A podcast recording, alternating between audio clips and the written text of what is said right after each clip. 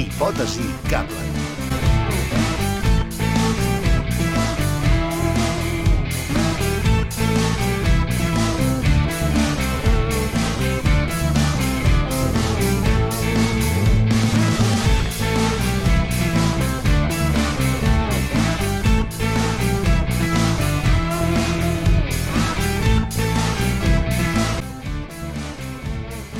Bé, encetem una nova edició de la hipòtesi Kaplan, la hipòtesi Kaplan del confinament, en què crec que el més honest que es pot fer avui en dia quan enregistres recomanacions ja és no tant seguir un ordre, sinó explicar el que pots mirar en confinament, perquè realment aquí hi ha dos, dos temes. Un, que la, el tòpic del confinament diu que tens més temps per veure coses, però el tòpic del confinament també diu que si tens criatures o tens una vida domèstica agitada, difícilment tindràs la possibilitat de veure tot allò que et proposes. Per tant, avui... Perdona, Pep, perdona, Pep.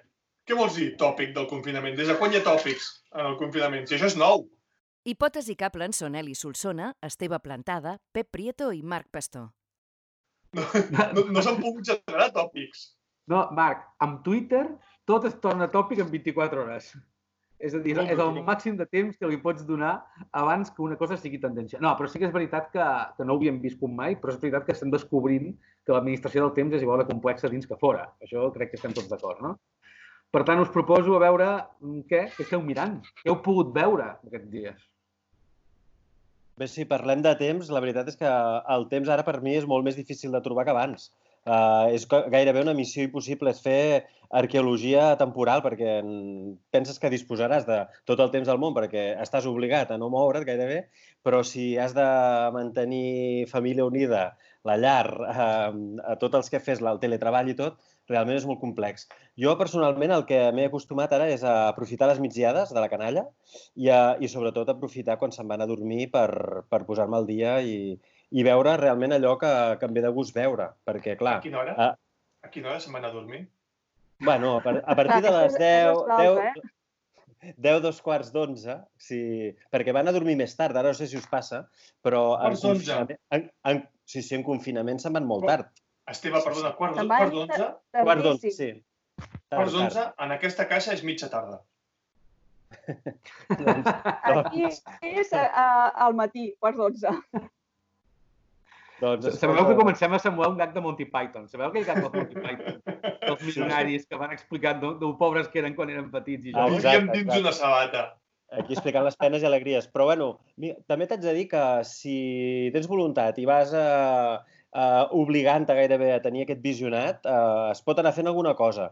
De fet, jo he pogut recuperar alguns, alguns títols que tenia pendents i he pogut aprofitar, déu nhi déu nhi encara. I si amb una migdiada no he pogut eh, completar una pel·lícula, que a vegades costa perquè eh, 120 minuts no té per què durar la migdiada, doncs vas fent amb tongades, no? I acabes convertint les pel·lícules gairebé en minissèries, no?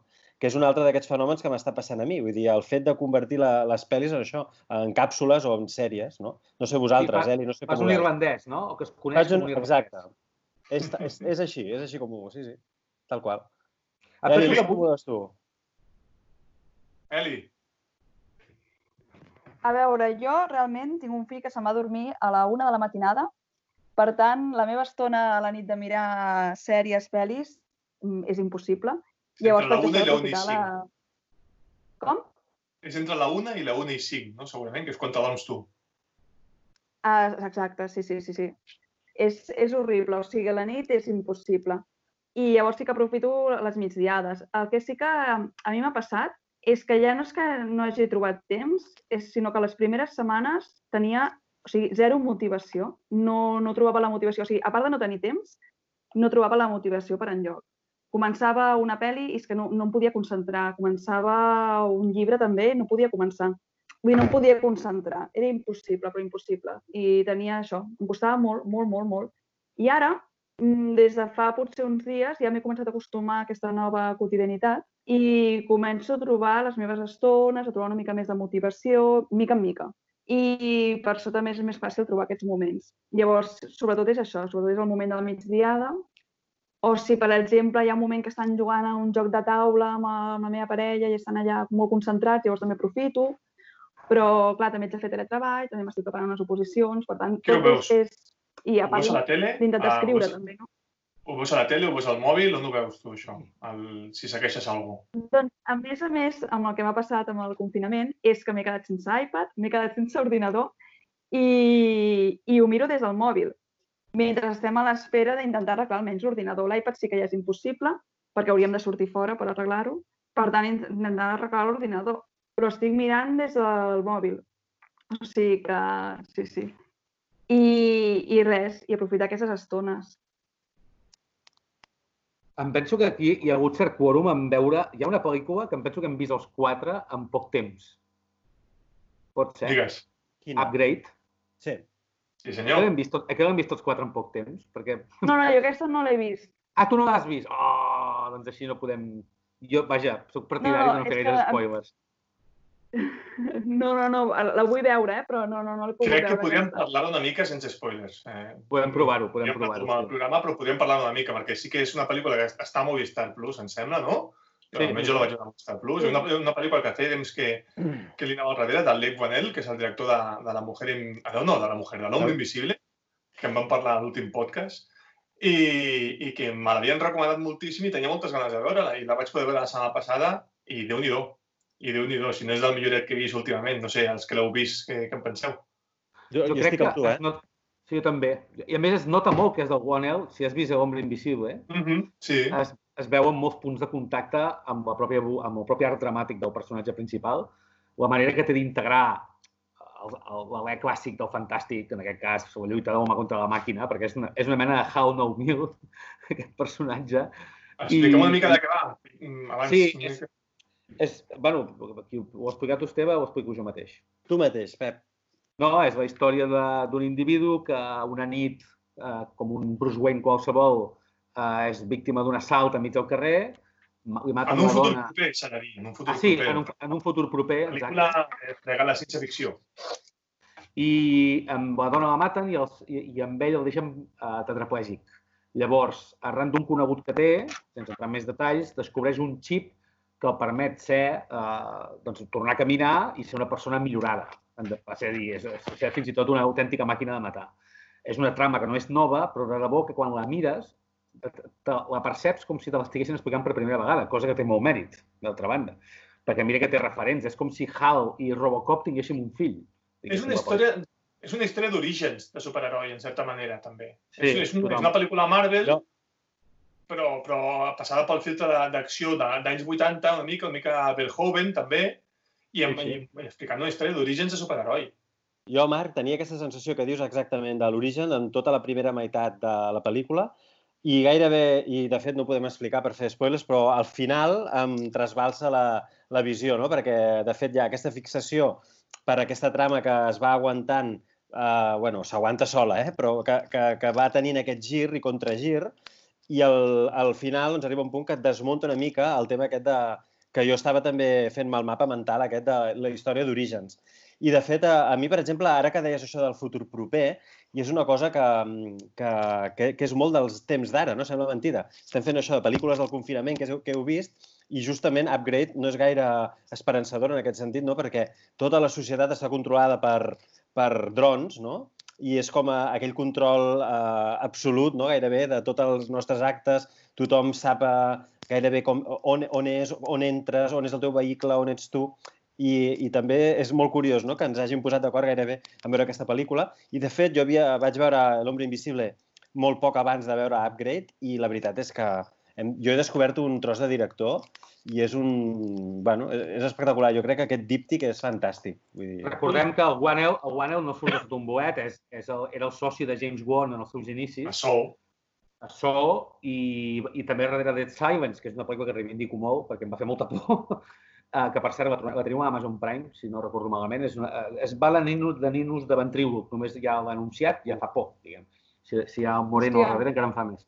Ll- Llavors, um, um, Wonell, clar, ha agafat una carrera en solitari. Won és un tio que, que ha creat el seu Warrenverse, no? que li diuen, que és el que emana de les Annabelles i l'expediente Warren, i aquest paio... Però, però tots, són, tots són reconeixibles. O sigui, un, amb Sí, un, sí. amb moltes més pel·lícules, però també és reconeixible, però ara Wanel eh, es descobreix que amb dues pel·lícules té personalitat pròpia, també. Aquest, que té, aquest, això, aquí és on anava, que és el més sorprenent per mi d'aquest paio, no? que és un tio que ja se li palpitava que era part activa de la història, però ara que va per solitari es veu claríssimament quina és la seva aportació, perquè té un estil molt definit i, i pot donar grans alegries, jo crec, eh? És un paio que està cridat a ser un dels grans.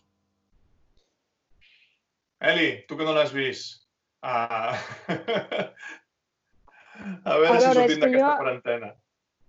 Sí, sí, i realment uh, és això, que veure una, una pel·li sencera, clar, la migdiada del meu fill dura una hora i mitja, però bueno, que la podria veure en dues parts, eh? però sí que ara realment el que em va molt bé és veure capítols curts de mitja hora i,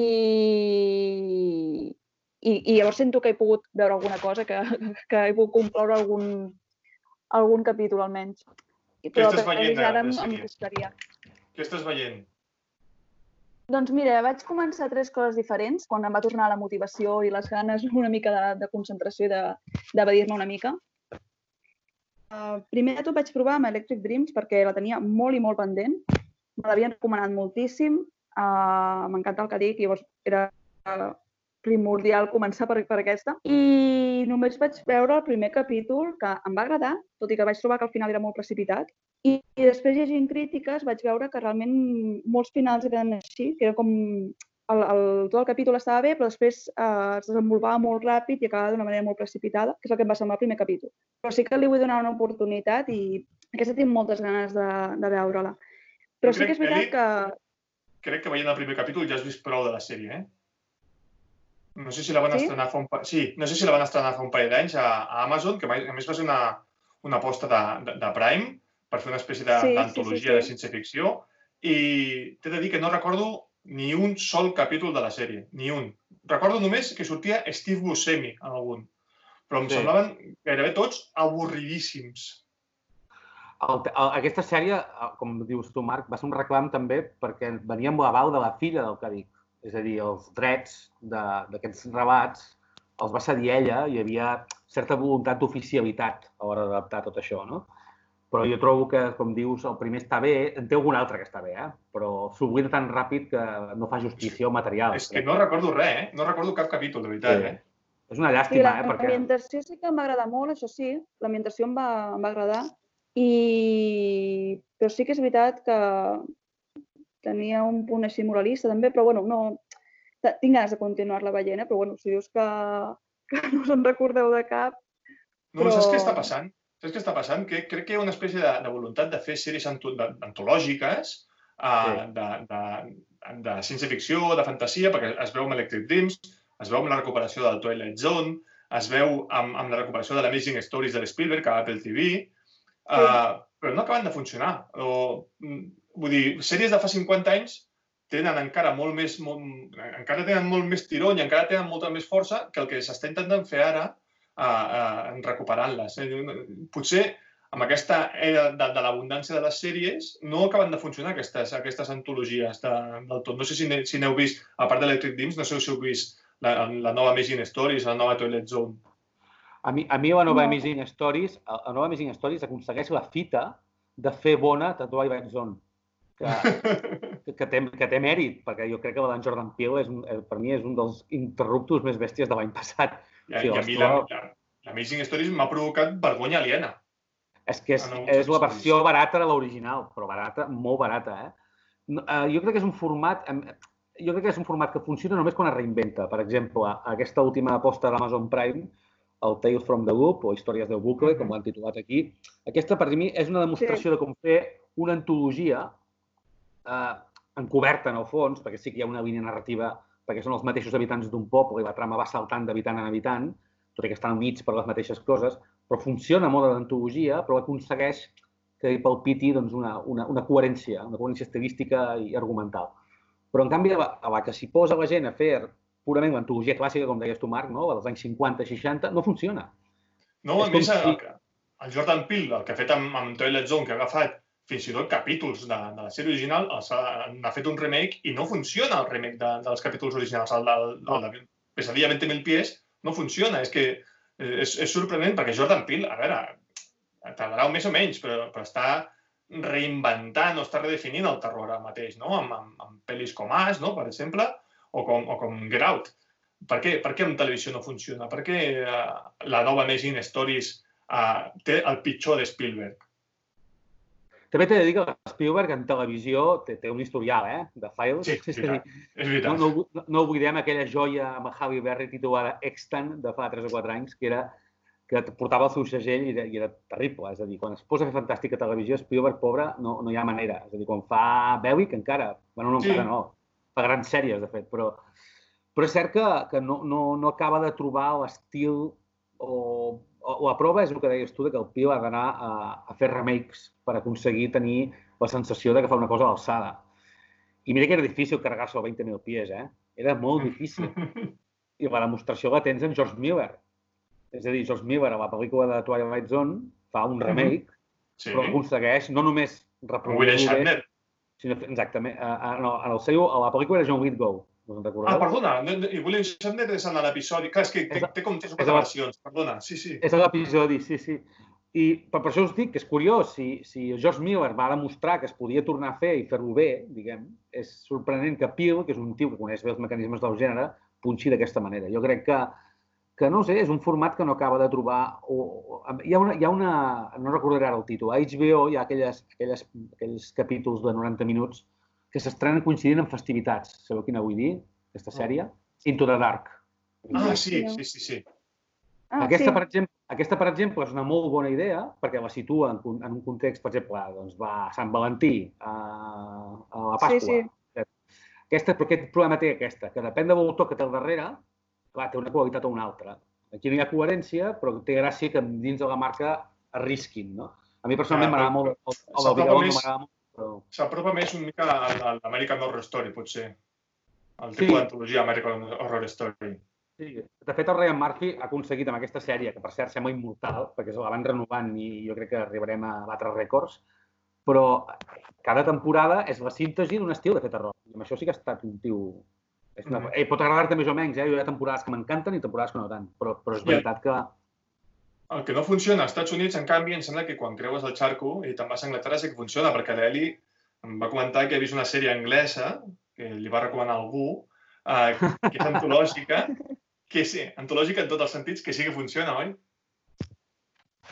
Funciona moltíssim i a més el format que m'està anant perfecte ara aquests dies. O sigui, he trobat la meva sèrie pel confinament, totalment, eh? I Què per això estic ara contenta, perquè que és Inside Number 9 i és boníssim, o sigui, és perfecte per, per mi, perquè són 30 minuts, bueno, no arriben, són 29 minuts exactes cada capítol, i totalment hilarant, amb un humor negre barrejat amb terror, és fantàstica, o sigui, m'ha m'ha encantat i m'està encantant. He vist la primera temporada, que són 5 o 6 capítols, ara no me'n recordo.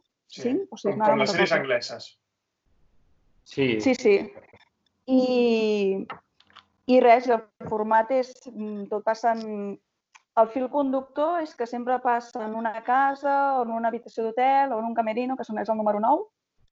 I, però bueno, és un fil conductor totalment absurd perquè realment el fil conductor és l'estil, que són pocs personatges, superteatral, molts diàlegs i, i aquest punt d'aquesta barreja de terror i, i humor negre, humor macabre en alguns capítols i amb uns girs inesperats al final. Mira, hi ha capítols que els girs són a cada minut. O sigui, el segon capítol, no sé si l'he- bueno, vosaltres l'heu vist, eh? i us en recordeu Sí. segon capítol, No, no, que és el del mateix no. robatori. Robatori. Ah, sí, Que, sí, eh, sí. que sí, és un sí, sí, sí, que sí, ha jo també recordo. De fet, de fet aquest, aquest el recuperen després en un especial de, de Halloween. O sigui, és que és, és, una, és una passada. O sigui, és un gir, cada minut hi ha un gir de guió. Em va encantar aquest. I hi ha algun que és una mica, potser, bueno, l'he trobat una mica més flux, però sí que és, és perfecte. M'està agradant moltíssim. Tu l'has vist, Esteve? No, no l'he vist tant. Jo el tema de sèries el tinc encara una mica més peix. Estic fent el que deia abans de disseccionar i, i partir a trossos les pel·lícules que, que no pas a entrar en la dinàmica d'una sèrie, un univers... Mm, sí, sí, estem així. Eh, Inside, Ara per... Inside Number 9, dic, que és, que, diguem-ho, que és de Steve Pemberton i Rhys Chesmith, que són els creadors de Psychoville i de The League of Gentlemen, Sí. que són dues sèries eh, també angleses, que per cert, totes les tres les teniu a Filming, uh, que són sèries de- d'humor anglès, pur i dur, d'un humor molt, humor molt anglès negre. total, però, no tenen molt negre, però no tenen res a veure amb aquesta. O sigui, aquesta Sí que trobat tenen, com el, sí. el, la barreja perfecta. Sí que tenen, sí Per que tenen, eh, perquè, perquè toquen, toquen aquest, aquest, aquest costat fosc de, de, dels personatges i dels sí. protagonistes, potser a, a Psychoville més des de l'absurd i des de la paròdia, o a The League of Gentlemen, sobretot aquest, aquest, aquesta paròdia d'humor negre, però aquí, aquí també hi és. I a mesura que va avançant la sèrie d'Incember Number 9, uh, t'hi vas trobant... Ah, Hem de dir que és una sèrie en què ells dos sempre interpreten algun personatge a cada episodi. Sí. Van canviant d'actors i a cada, a cada episodi canvia el gènere, canvia l'estil, canvia l'estructura narra- narrativa. Canvia tot, però és que ni el Ara- reconeixes ara- gairebé. Cost, costa molt trobar sèries modernes d'un recorregut més llarg del, de la temporada única, diguem, o de l'antologia, que aconsegueixi mantenir aquest nivell. És que per mi Number 9 és, és un miracle, perquè malgrat els, les apostes narratives que hi ha, malgrat ser una sèrie molt atípica, que juga a la foscor, que juga a la negró, és al·lucinant el nivell que manté. I és increïble també perquè jo crec que és una corredora de fons. És una sèrie que la gent cada cop que la descobreix es pregunta com va trigar tant a veure-la. El que no s'entén és, que no, Sí, sí. és que no tingui més èxit. Sí, per això ho dic, per això ho dic. Jo crec que si fos, si hi hagués un, un dia una, una quedada, allò, ara que tenim temps, diguem, perquè la gent veiés un sol capítol, jo tinc la teoria que s'enganxaria tothom a veure perquè és, és Sí. fantàstic. No, no, no, això, que és que el guió és super treballat i que a més s'ho han passat genial fent-ho. És que a més a més és això, que notes que, que, que, que és que han disfrutat i que, que, que han jugat a cada capítol a fer aquests finals. I sí, sí, o sigui, ara tiraré per aquí. Són, no, són cinc temporades, Cinc crec. temporades, sí. No, que van estrenar cinquena l'any passat, vaig llegir. I, No, aquest any, aquest any, enguany, al gener. i això ja, Sí, de fet, el, al gener. El Steve Pemberton va, va venir al, al passat Festival Serializados i va estar explicant com, com planificaven els episodis i com feien. Sempre intenten canviar l'estructura narrativa. Sempre intenten no només la història, sinó saber com poden jugar amb l'estructura narrativa. I una de les coses que em, que em fascina de la sèrie és com poden tocar diferents tecles a la vegada, com poden eh, passar del terror a emocionar-te en, en res, en qüestió d'un canvi d'una mirada, d'un canvi, d'un canvi de plano, com sigui, no? Uh, hi ha episodis que són, hi ha episodis que són absolutament magistrals. També s'ha de dir que un dels directors de la sèrie és el Guillem Morales, que és català, que és d'aquí, que està fincat des de fa, des de fa 5 o 6 anys a, a, a Londres i que n'ha dirigit, uh, ha dirigit de, dels millors episodis de, de la sèrie són seus. Uh, que no, no recordo el nom, però les 12 nits de Christine, els 12 dies de Christine, que em sembla que està, no sé si és la primera o la segona temporada, que diuen que és dels millors episodis de la sèrie, i l'enigma de l'Esfinx, per exemple. Ja els veuràs, Eli. Aquests són la tercera temporada, no? No, no t'ho sé dir, perquè hi ha un moment que jo ja ho barrejo tot. Com que no té una, un arc argumental i Sí. molt definit, en realitat les temporades poden anar barrejades. Però ja et dic, que el 12 dies de Christine i l'enigma de l'Esfinx estan... A les votacions s'acostumen a sortir sempre com els, com els, que, els que més agraden. De fet, és una sèrie molt de filming, eh? eh que, així com parlàvem abans de, de, de HBO, que pot tenir Into the Dark, o de, o de Prime, que, que pot tenir la d'Electric Dreams, aquesta sèrie fa per filming completament. És molt, té molt la personalitat Completament. d'aquesta plataforma. Sí, sí. És que l'aposta de filming, eh, evidentment, per del cinema és més que contrastada i celebrada. Però les sèries estan aplicant un criteri molt intel·ligent, per mi, que i la prova és com que acabin de recuperar How to Catch Fire, que és una sèrie de culte i que me- mereixeria estar entre les més grans i que, en canvi, eh, hi havia cert buit sobre ella i que l'han recuperat a bombo i plateret i crec que estan, ho estan fent molt bé. També tenen The Informer, tenen, tenen una sèrie de sèries que estan de nassos i que convé que, que a vegades es faci més, que es publiciti més que hi són a Filmin, perquè a vegades la Filmin se la relaciona molt amb cine clàssic, amb cinema de culte, però realment de sèries... Europeu. Sí. Digues, Esteve. Mireu, a mi em va de conya que hagueu tret el tema primer, filming, eh, perquè aquí estarem tots d'acord, com a catàleg és una cosa espectacular i ara, i ara en confinament, clar, és la sensació eh, eh, palpable, gairebé més fidel del que seria entrar a un videoclub eh, i saber que, que ho tens pràcticament tot, des de clàssics, l'altre dia estava mirant amb la meva filla que té 5 anys el, el viatge a la lluna del Méliès i, i, i li va fascinar, vull dir, des no de meu fill. des, eh, I és fascinant, es va quedar, no, no sé si et va passar a tu, no? però es queden com fascinats, no? Però vull dir que pots recuperar aquest ventall, no? I em va molt bé que parleu ara d'això de filming i que haguem parlat de Twilight Zone, uh, Twilight Zone, perquè uh, jo hi ha dues pel·lícules que voldria recomanar de filming perquè per recuperar aquests dies. Una és... L'arca Atac... russa. Digue'm? L'arca russa. No, l'Arca Russa no. Ja, la, ja en vam parlar l'altre dia, I la vaig veure però... després de i- que la recomanessis. I què? Què has Doncs ficat? he de dir que puc, puc acusar a l'arca russa de ser el mateix que tu li acuses a 1917. que és, que és no, no pots... Tècnicament impecable, però emocionalment buida. Val, doncs, bueno, estem d'acord eh, en el tema, en el diagnòstic. Doncs jo volia recomanar dues pel·lis eh, que tenen molt a veure. Una eh, és Atac de Bloc, que no sé si l'heu vist, és del Joe Cornish, eh, un director que no es prodiga gaire, però que és conegut per, com a guionista, va, va estar treballant amb Ant-Man, per exemple, o amb el Tintín que va fer l'Spielberg, ara que parlaven també d'ell. De fet, és el col·laborador de Gainer Bright. un Sí, exacte. Exacte. I, a més a més, ara que estàvem també en- endinsant-nos en, el, en, el, en el tema britànic, no? Uh, Atac de Bloc és, uh, per mi és una pel·lícula que és sensacional, és per gaudir, vull dir, per qui li agradi el gènere, per qui li agradi uh, bueno, tot el tema Amblin, ET... Uh, És una macarrada. Una macarrada. És, jo, jo deia, no? És com si Amblin hagués fet una versió de Perros Callejeros, tot barrejat, no? Amb... És tot el És- que Abrams no es va atrevir a fer amb 8 mil·límetres. Exactament, amb Super 8. Ah. Estic Ah, Super totalment 8, perdó, d'acord. sí, sí. Estic totalment Però- d'acord amb Però, això. però t'he de dir una cosa. A mi, per mi, a mi, el el millor que té Atac de Bloc és que els personatges t'importen literalment un rave. És a dir, uh, són, encarnen cultures, maneres de fer i maneres de viure que a tu no t'identifiquen gens, que per mi és la gràcia que té la pel·lícula. Et, et salva un món, un grup de gent que si tu els veiessis pel carrer acceleraries el pas.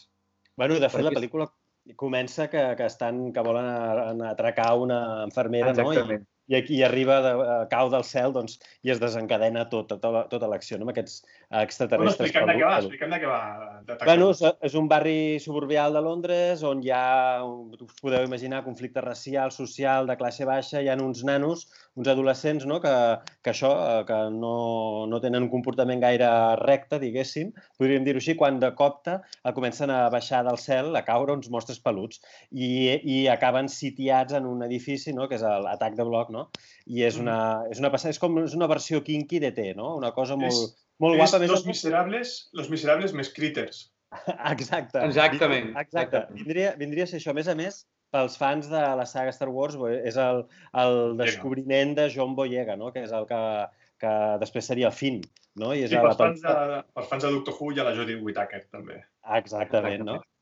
I dit això, la- l'altra recomanació que venia molt Perdona, a tom... Esteve, perdona. Digue'm. Uh, parlant de Joe Cornish, uh, la pel·lícula més recent de Joe Cornish, que de fet no l'he vist a cap Sí. plataforma, la vaig anar al cine, és molt recomanable, és una pel·lícula eh, infantil barra juvenil, que és, em sembla que es diu El, el niño que pudo ser rei, no, el Sí. títol el dic Sí, de sí, memòria, eh? és- és així. És, sí. una, és, una, és una pel·lícula extraordinària, aquesta. Estupenda. Ell té tot l'esperit del secret de la piràmide. Tots els que van flipar als 80 amb el secret de la piràmide, Joe Cornish ha fet exactament el mateix, però eh, modernitzant-ho amb el rei Artur. Jo la vaig anar a veure amb el meu fill al cinema i va sortir eh, que volia, volia tenir Excalibur, perquè és una, una reformulació de la, del cicle artúric amb, amb, amb nanos i, i li passa la mà a Harry Potter per la cara. No, no, sí, sí, és de, un... de fet, es va, es va estrenar amb el Guy Ritchie uns mesos abans i, i es menja, menja patates aquesta, imagina't.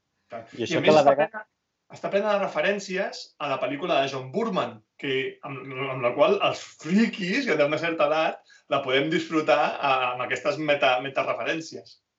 Sí, sí, tant. Do, doncs ara, si em deixes uh, l'altra recomanació que venia molt a tom amb el que dèieu, perquè és d'una directora que ha dirigit, de fet va dirigir l'edifici de, ai, l'edifici, l'episodi de Traveler de The Twilight Zone, que és la Anna Lily Amirpur, i m'agradaria molt recomanar, és, és una pel·li que jo la tinc aquí i sé que us agradarà, és A Girl Walks Home Alone at Night, que és, uh, no sé si l'heu vista, però No. és una pel·lícula iraniana, una ciutat iraniana que es diu Bad City, eh, doncs comencen a, a passar coses inquietants. Hi ha una protagonista que representa que és, no direm gaires coses tampoc, però és vampir, i és, però és una vampir com sexy, eh, sexy jove, que el que fa és, eh, fa el bé, eh, una mena de Dexter, no? mentre xucla la sang va, es va carregant a gent que són eh, el que serien eh, indesitjables. No?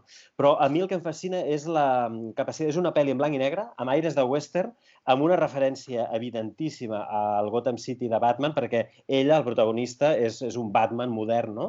que és aquest personatge controvertit no? que surt de nit, que, que fa el bé amb uns mètodes una mica expeditius o des d'un component allò moral no? de, de, o d'inquietud des del seu propi punt de vista. No?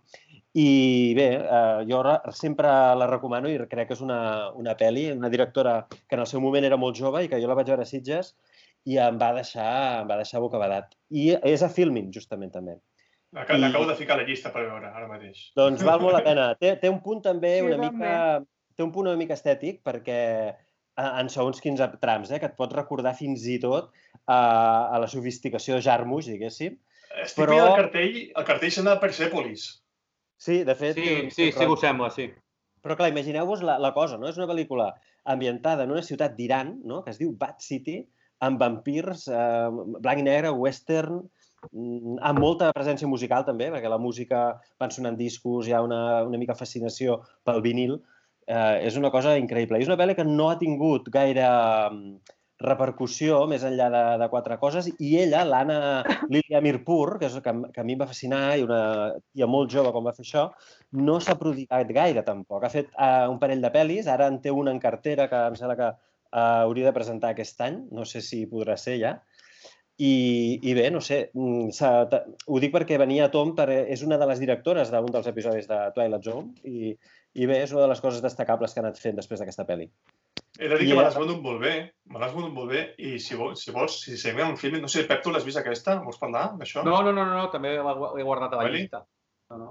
Vale. Ah, doncs... També, també l'he guardat, sí, sí una pel·lícula que acabo de veure avui a Filming, que feia molt de temps que li tenia ganes, que és uh, l'òpera prima d'Àritz Moreno, és Ventajas de viajar en tren. Ah. Oh, està molt, molt bé aquesta. Aquesta, aquesta sí que me l'he apuntat, sí, sí. Esteve, tu no te l'ha dat. Uh, uh, jo haig de reconèixer que no sóc uh, dels fans de la pel·lícula. Li, tinc, li conto molts mèrits, eh? I un d'ells és ser molt agosarat i, mm -hmm. i, es, i, es, i trencar una mica el guió i escapar una mica del que seria el previsible dintre de la, de cinematografia, um, diguéssim, més mainstream del que seria el que es fa a Espanya, no? Però t'haig de dir que jo vaig trobar un punt desconcertant en el mal sentit, perquè a mi les coses yeah. desconcertants m'agraden.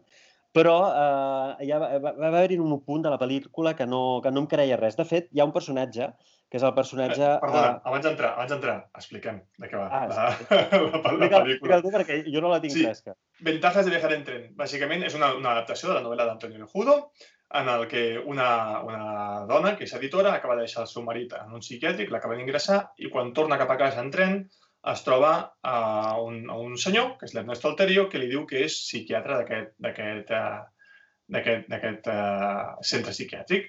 I com que tenen temps, li vol explicar uh, històries de, de, de pacients i li vol explicar com, com una vegada un pacient el va segrestar i com ho va viure. A partir d'aquí comença a explicar històries de com va viure ell aquest, aquest segrest, de qui és aquest, aquest pacient que el, va, que el va segrestar i van quedant una història rere l'altra i cada història diuen que funciona com una matriosca, però més que una matriosca és que cada història contradiu l'anterior. Eh, hi ha una història que contradiu coses que s'han dit abans i es van obrint històries una rere l'altra, amb la qual cosa, eh, jo ja passo d'informació a opinió, amb, la, amb la qual cosa eh, crec que funciona més com a sèrie que com a pel·lícula. Uh, I potser això, això també és el que em molesta. És més una sèrie antològica, com Insect Number 9, o com Toilet Zone, o com, o com Alfred Hitchcock Presents, amb històries molt bizarres, amb un cert element comú, no? els mateixos personatges, tot i que els mateixos personatges dintre de la història van canviant, no tenen una evolució clara, van canviant, extremen molt tot les, les situacions i, i trenquen molt uh, el, el guió en aquest sentit, i es converteix més en una sèrie d'una hora i mitja. Uh, però segueix, sisplau, que deies que no t'havia fet tan mal efecte. No, per, per exemple, el personatge de l'Alterio, d'Ernesto Alterio, eh, no me'l crec des del minut zero, que no me'l mm. crec. I que, a més a més, es veu d'una hora lluny, si heu vist la pel·lícula, sí, sí, sí. o, eh, es veu d'una lluny com, com anirà tot plegat. No? En canvi, per exemple, hi ha l'episodi o, la, o la part del Quim Gutiérrez, per mi és la que em va agradar més, no? Vull dir, hi ha com aquestes microhistòries o històries dins de la història. Digue'm. Heu, heu llegit la novel·la? No, però Clar, tinc ganes no. ara, eh?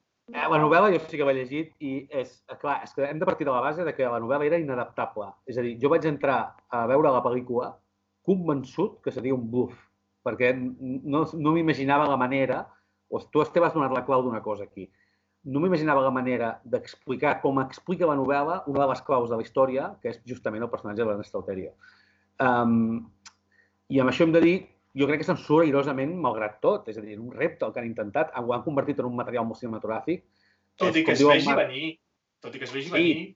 però per mi és l'elements, això jo ho sabia, per exemple, i ho vaig gaudir igualment. És a dir, que no, jo crec que és, que és molt arriscada, eh, aposta per una narrativa única. Jo no he vist una pel·lícula espanyola com aquesta, mai.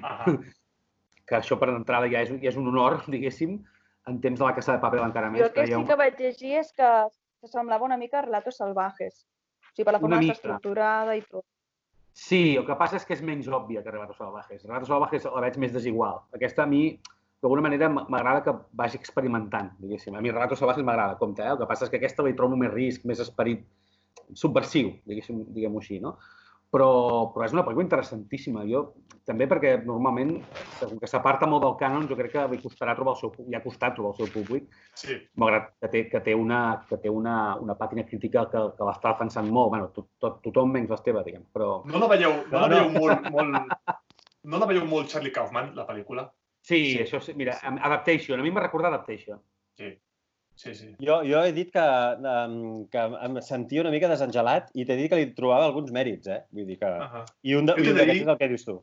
He de dir que tu dius que la història del Quim Gutiérrez és la que més t'agrada. Jo crec que, és, juntament amb la del Javier Botet, és la que menys, segur, segurament. Doncs, doncs a mi Perquè és està- la que... Però el problema és que jo estava molt entrat amb la història de Luis El Tossar. Tossar i el Ernesto Alterio, sobretot el Tossar, que, que últimament té una ratxa de, de menjar-se els seus personatges de forma brutal.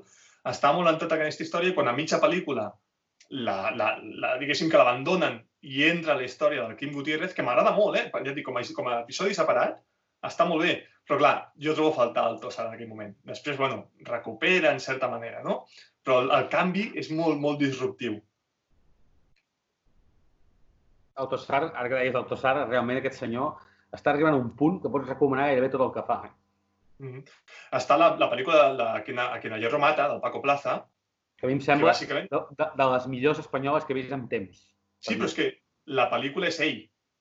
Tu La completament pel·lícula ell. és ell. Més enllà del guió, més enllà de que pugui haver fallos, que sigui més consistent, menys consistent, el Paco Plaza, molt, molt contingut, molt seriós, molt, molt, molt sec, que, que m'agrada, saps? Una mica deixant enrere el Paco Plaza de, de Rec 3 o fins i tot de Verònica, però la pel·lícula és Luis Tossat. En aquest, I té- Eh, té, és Luis Tossar i per mi la seqüència final més esfraïdora que he vist en temps en una pel·lícula. L'últim últim pla em va deixar tan tocat, de veritat, vaig estar molt molta estona sense aixecar cap, eh? Doncs No- em penjaré una medalla. Em penjaré una medalla aquí, perquè quan el Paco estava... El Paco el conec. I quan estava preparant la pel·lícula em va trucar un dia i em va preguntar, diu, escolta, et faré un spoiler de la pel·lícula que estic preparant, però necessito saber com seria si passés això, això i això. Uh, necessitava saber una sèrie de, de fenòmens cadavèrics i de com quedarien una sèrie de, de posicions de cossos i la sang, què, Ahà. què passaria, què passaria. Llavors, jo, abans de saber res de la pel·lícula, li vaig dir una, li vaig dir una mica d'indicacions al, al, al Paco de com s'havia de fer aquesta, aquesta última escena. Per tant, quan vaig acabar de veure la pel·lícula, vaig dir, mira-lo, esta és culpa mia. Doncs felicitats per la part que et toca, perquè jo em vaig quedar, t'ho juro, eh? Minimíssima. Mira que Minimíssima. Està molt ben rodada i és una escena eh, molt valenta, perquè al final ell és pogut buscar un desassossec pels personatges i no, hi ha, i no, no. De fet, això ja ho feia una mica Verònica, a la seva particular manera, per això em sembla una pel·lícula tan terrorífica, i és increïble el que ha aconseguit, perquè mira, és una pel·lícula que quan veies el tràiler pensaves realment que anaves a veure un thriller més o menys canònic, i no. A mi em Mhm. sembla una pel·lícula molt més complexa i el que fa, el que fa Tossar és un altre planeta. O sigui, aquest paio és... és ell, ell i Javier Gutiérrez, per mi, són ara mateix els actors espanyols que millor es rendeixen en una pel·lícula. Mira, podem parlar, parlar d'Hogar també, si voleu, dels germans Pastor, que també l'han estrenat a, a Netflix. No sé, l'heu vist? Sí, jo personalment només dir d'aquesta pel·lícula que té un problema però gravíssim de, de guió i de suspensió de credulitat. És a dir, Això, és, Mm. és, això és el que havia llegit, que hi ha un problema molt gran de guió amb aquesta pel·lícula. perquè fa un tom que... A veure, jo crec que en aquesta vida s'ha demostrat que la ficció pot donar les voltes que vulguis, però hi ha una cosa que no pots fer i és trencar les pròpies regles del joc. I aquesta Mhm. pel·lícula les trenca. Exacte, és el que havia lle- llegit. Sí, sí, sí, que trenca les regles del joc. De fet, està pel·lícula moment, eh? Ja d'un no sé. d'un paio amb un, un, que és uh, un professional de, de, de, de la publicitat, amb una vida més o menys uh, sanejada, diguéssim, de classe mitjana alta tirant a alta, que perd la feina uh, i s'ha de marxar del seu pis, que viu en un, en un... És que fa dues setmanes que la vaig veure i ja quasi no la recordo. Viu en un senyor pis, no? Llavors s'obsessiona amb la gent que ha entrat a viure en el seu pis a nou i fa una espècie de, de parasite del Bon Joon-ho. Uh, És a dir, investiga, investiga a, la, a les persones que hi viuen, concretament Sí. amb ell, que és el Mario Casas. I entra- Està molt bé. El Mario Casas està molt bé en aquesta pel·lícula. No, el Mario Casas també, jo sóc partidari d'anar a reivindicar-lo, eh? perquè ja fa un temps que també, tant per Ah, selecció de pel·lícules com per aquí- actuació, Aquí en concret, a mi em va fer patir, que és el que busca el personatge, a mi em va fer patir. I trobo Mhm. que, que, de fet, el duel entre ells dos és el millor de la pel·lícula. Perquè els personatges femenins, per exemple, no m'agraden gens, cap dels dos. Però, no, no, canvi, no, no, no perquè, perquè és que tampoc no són gens creïbles cap dels dos. cap perquè dels aquí- dos. El problema que té la pel·lícula, eh, o sigui, els, els germans Pastor, l'Àlex i, el, i el David, eh, són, són, són molt efectius dirigint i saben Sí, explicar home, sí, bé, són, són, vull dir, tenen tables. Ara, a nivell de guió, la pel·lícula hi ha un moment que fa aigües, hi ha un moment que no, que no, que no te la creus. I a partir d'aquest moment no et creus cap de les situacions. I l'evolució dels personatges és fins i tot preocupant moltes vegades. Estàs veient els personatges i dius, això és impossible que passi. No ho faria mai ningú, sobretot uh, l'evolució de, de la dona del Mario Casas, que és La Bruna Cussi, que, que, és que a més a més, no, però ella potser és, un, és el més greu de tots, perquè a més a més ja, d'una seqüència a l'altra canvia d'actitud sobre un tema que no té cap mena de sentit que canvia l'actitud. Però inclús és més greu que això, perquè per mi és el problema, el problema és, insisteixo que és un problema de guió, que no d'actor ni tan sols de direcció. És Mhm. eh, que el personatge del Javier Gutiérrez hi ha un moment que comença a fer coses que no es corresponen amb l'itinerari moral de la història. És a dir, no té cap mena de sentit que aquest tio prengui aquesta decisió tan abrupta no? d'un- d'una escena a l'altra. I és una llàstima, perquè té una sèrie de virtuts. Per exemple, una, una cosa m'agrada molt de la pel·lícula a mi és com utilitza els espais. Quina decisió és, perdona, la la del Javier Gutiérrez, que ara no recordo. No, no, no. És a dir, passa de ser uh, Parasite a ser Norman Bates sense solució de continuïtat. Ah, sí, sí, sí. És a dir, a, a, mi, a mi el que em molesta és que, a veure, jo puc entendre el ressentiment, la tristesa, la pèrdua, que és el que em mou el personatge, no? Un tio que ha vist- com el seu estatus social eh, per edat, per falta de feina, doncs acaba de- degenerat i veu com éssers que ell menys té eh, hereten o, o, hi agafen casa seva, no? Això, aquest argument ja el compro. El tema és, hi ha un moment que el passes a veure com un paràsit, com, com amb la Mhm. comparativa de la pel·lícula a mi m'agrada molt, a ser això, un Aníbal Lecter en potència. És a dir, Mhm. i aquest canvi no s'acaba d'entendre. Després, la pel·lícula fa uns esforços titànics per humanitzar-te al davant del seu fill en algunes escenes, però en canvi Bueno. gasta una crueltat... Una crua... No, però la crueltat... El fill, el, el fill que se l'oblida com vol, eh, de la pel·lícula. La pel·lícula s'oblida Ah, del fill com vol, eh? O del fill, per exemple, a mi em sembla impresentable des del punt de vista estrictament de twist. És a dir, hi ha aquella escena de la pujada que fan esport, que m'agrada molt, Sí. és Bueno, molt incòmoda i és molt tensa i sap greu i d'alguna manera empatitzes amb la situació, però en canvi després desapareix d'escena un personatge que en principi vertebra les seves motivacions, no? jo a mi el que, el que em treu totalment de la pel·lícula és el jardiner. Home, tot, el, és que- tot, tot, el que passa, tot el que passa amb el jardiner. Que ja no és que, ja no és que sigui inversemblant, és que eh, és, és, és És una altra pel·lícula. És una altra pel·lícula. No, i a més, aquí fem, si vol, podem fer un petit spoiler, eh? crec que, però uh, bàsicament el jardiner es dedica a fer-li xantatge al personatge del Javi Gutiérrez. Li fa xantatge perquè té un, coneix un secret del Javi Gutiérrez que és un secret estúpid, que és, que és irrellevant, que a més no pot ni demostrar, i, i, el, i el que li fa és confessar-li el seu propi secret que donaria per una altra pel·lícula que és aberrant completament. Amb la qual cosa és el pitjor xantatge de la història. T'estàs exposant tu, el, el, el, el que fa el xantatge s'exposa més que el que, el, que, el que és el, el que rep el xantatge. Però és que quan dins del cotxe li diu per què vol i fa el xantatge, Sí, sí, el, jardiner, és... el, el jardiner, un tio, un, un tio que a més a més la pel·lícula t'ensenya com a desgraciat, que el que podria fer tan, tan senzill és sortir del cotxe, anar-se a la poli i dir ei, que aquest tio m'ha dit això. I en canvi el Clar. Javier Gutiérrez ni s'ho planteja, que és una cosa que em va Sí, desarmar és- completament. Sí, sí, aquí és quan surto. Sí, sí. Però vaja, Alguna altra pel·lícula? Digues, Eh, digues. No, no, no, no, no sé què anava a dir. Uh, de pel·lícules... Jo, jo vull recomanar de Filmin, si sou... si Ara que esteu confinats i si voleu veure pel·lícules claustrofòbiques i, o um, angoixants, mireu el catàleg de slashers que tenen a Filmin. Jo no havia vist mai una cosa semblant. És a dir, tenen, m'atreviria a dir, totes les pel·lícules de terror dels 80. Totes. Mhm. M'atreviria a dir qui són. I hi ha coses que inclús costen de trobar en format digital. És a dir, que us aventuro que poseu la paraula slasher al buscador i al·lucinareu. al·lucinareu. Perquè tenen coses absolutament úniques i que val molt la pena veure. Mira, ara que dius això, Pep, també sense sortir univers filming, ara que parles de slasher, justament ahir vaig veure l'escalera de Caracol, que era un d'aquells clàssics, és del 46, em sembla que és, d'aquells que tenia pendents, no? Obra gairebé fundacional al suspens. I una de les coses que més m'ha agradat del, de la pel·lícula és que és un exemple de, de pre-slasher, no? Vull dir, un slasher abans de que existissin els slashers. i ho he, ho he trobat fascinant, no? Perquè el, el tema del, del personatge de, de l'assassin en sèrie, de, de com busca les víctimes, dels enquadraments i tot, em fa pensar molt en això, no? En, en el gènere abans, molt, molt abans de que s'inventés. I és com un precedent... és brutal. És brutal. Sí, però, és, però oi que sí, no? És, aquest, és un precedent, eh, jo és que pensava Totalment. contínuament en el tema aquest, no? I, també hi ha el final de l'escalera de, de Peter Medak, que és una pel·lícula que fa mm -hmm. molta por. Uh, hi ha el, el, el Pueblo de los Malditos o el Wolf Riva, eh, no? el Carpenter, que és també una altra pel·lícula tremenda.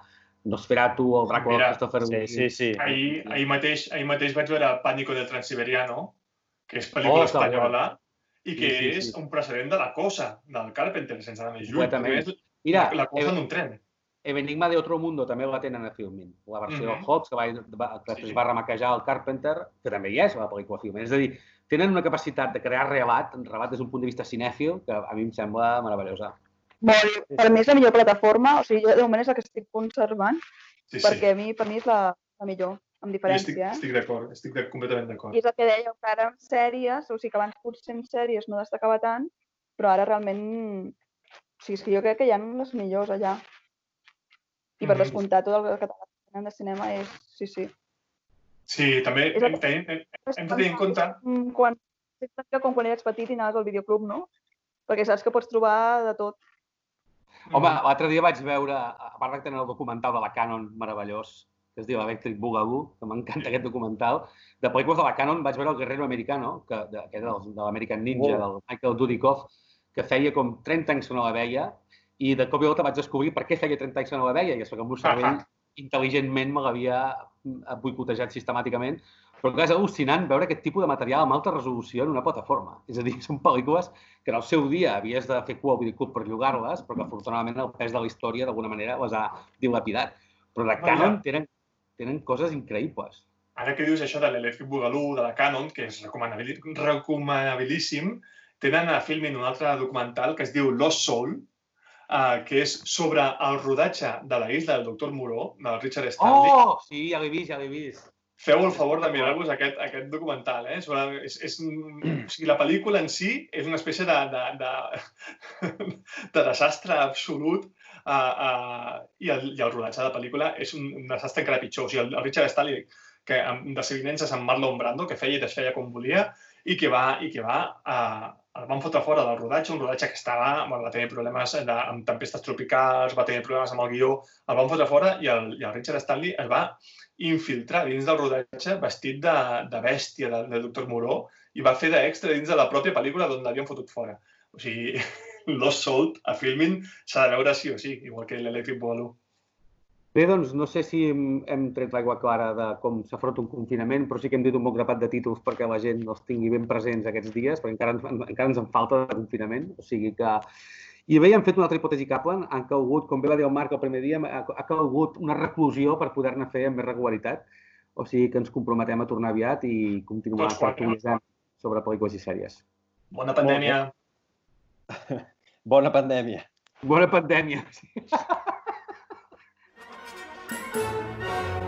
Fins aquí, Hipòtesi Kaplan.